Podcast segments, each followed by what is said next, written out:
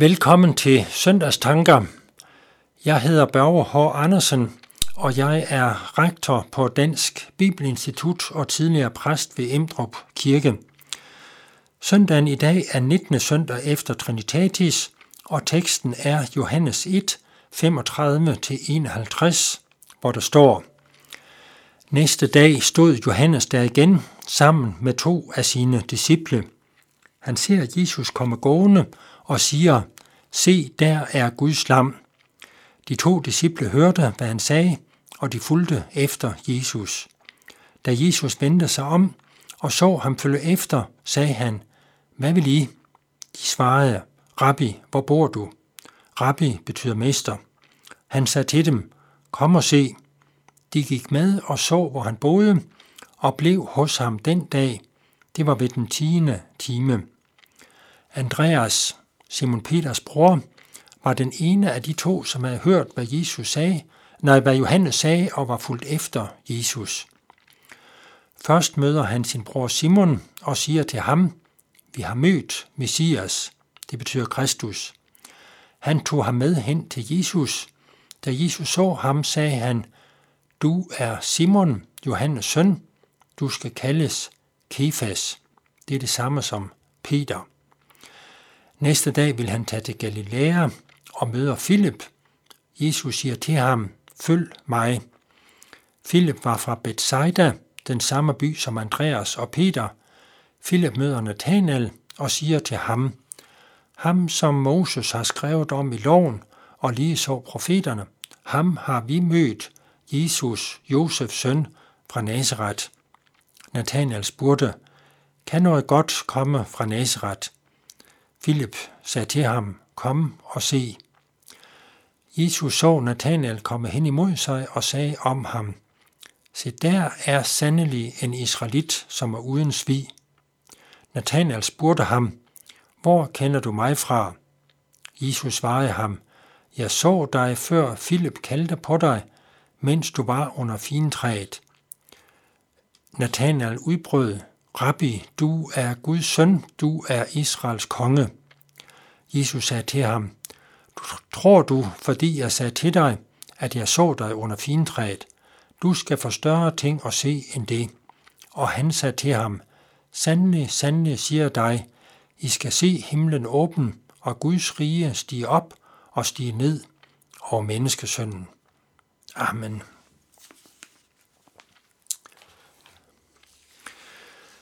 Vi øh, hører her om fem mennesker, som øh, for første gang i deres liv møder Jesus. Øh, for inden det møde var han fremmed for dem. De øh, kendte Johannes Døber og øh, hele den folkebevægelse, som var skabt af Johannes Døber, hvor at jøder fra nær og fjern kom ned til Johannes, lyttede til hans forkyndelse og blev døbt af ham og blev forberedt på, at nu kom Messias-tiden. Nu kom den opfyldelsestid, som det gamle testamente havde talt om i mange hundrede år. Og øh, midt i den proces, der hører vi altså, at Johannes Døber kommer gående sammen med to af sine disciple.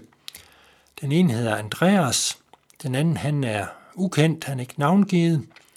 Og øh, de møder Jesus og er sammen med ham. Andreas han finder så Simon, og på den måde, på den måde så bliver øh, Simon ført til Jesus. Og så møder Jesus dagen efter først Philip og senere Nathanael, og så har vi på den måde pludselig fem forskellige mennesker, som bliver Jesu disciple.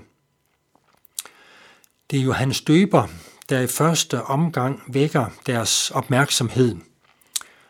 Han bruger et meget mærkeligt udtryk om Jesus.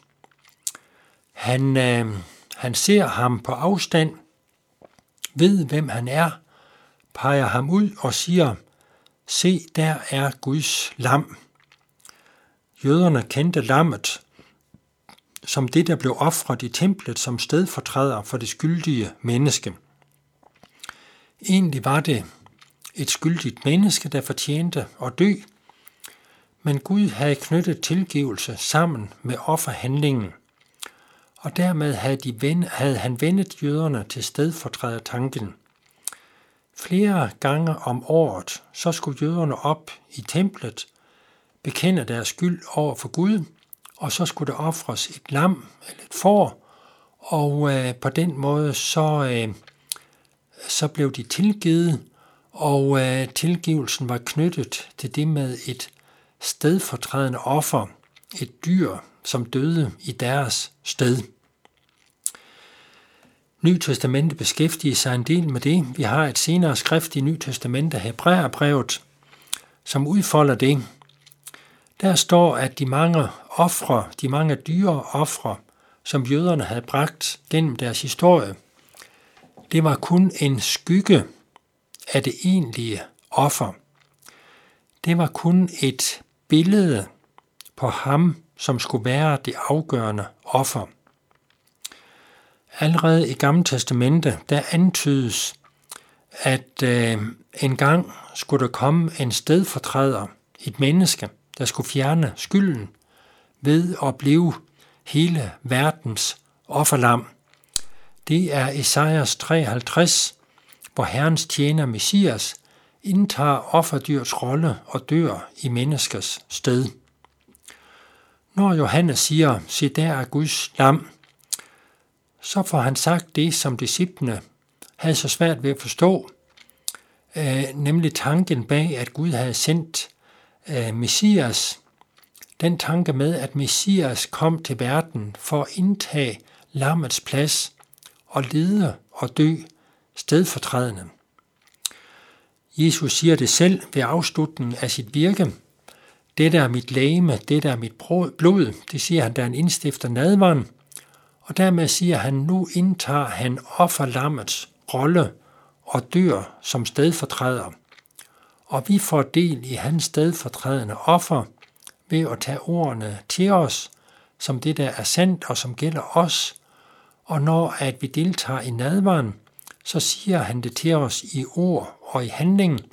Det, som han har gjort, da han døde i vores sted, det gælder os.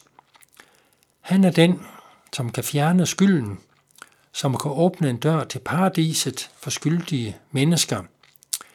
Øh, alt det ligger i ordene om, at Jesus er Guds lam.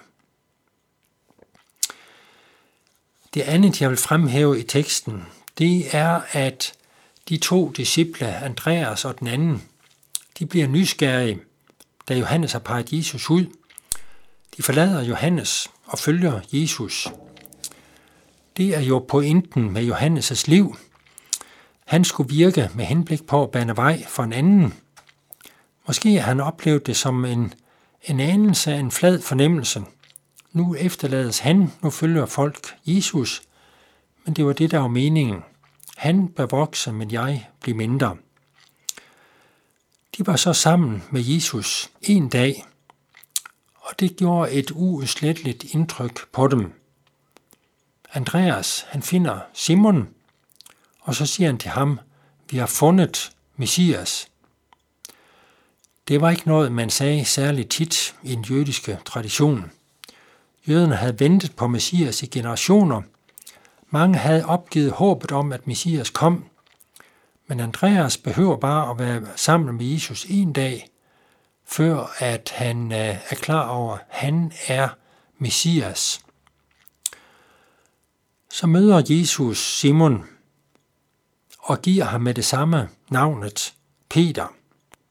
Han blander sig i noget så personligt som Peters navn og slægt. Det er jo ellers faren og slægten og familien, som navngiver. Sådan er det jo også i vores tradition. Men nu får Peter et nyt navn, og det er under det navn, vi først og fremmest kender ham i resten af Nyt Testamente. Det begyndte her, og det blev til et helt livs vandring med Jesus.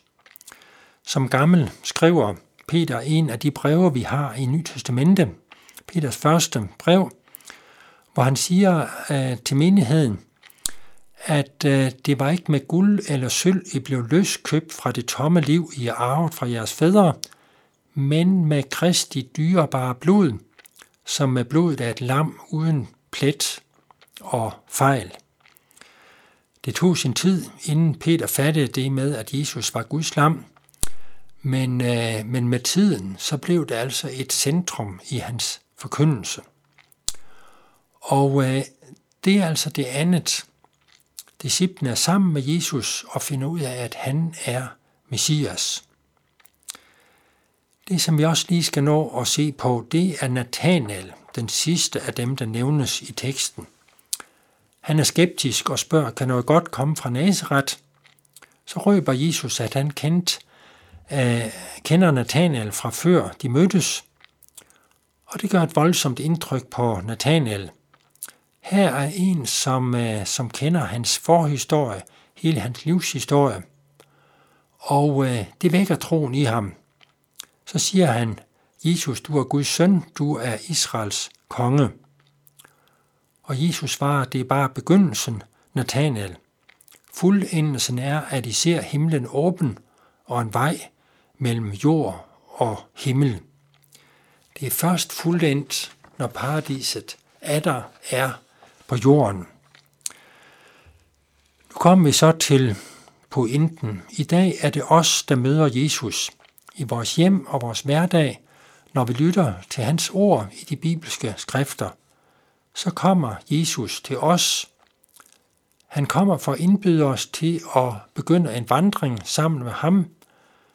En vandring, som først når i mål, når at vi når fuldendelsen, en åben himmel, og vi har del i den kommende verden.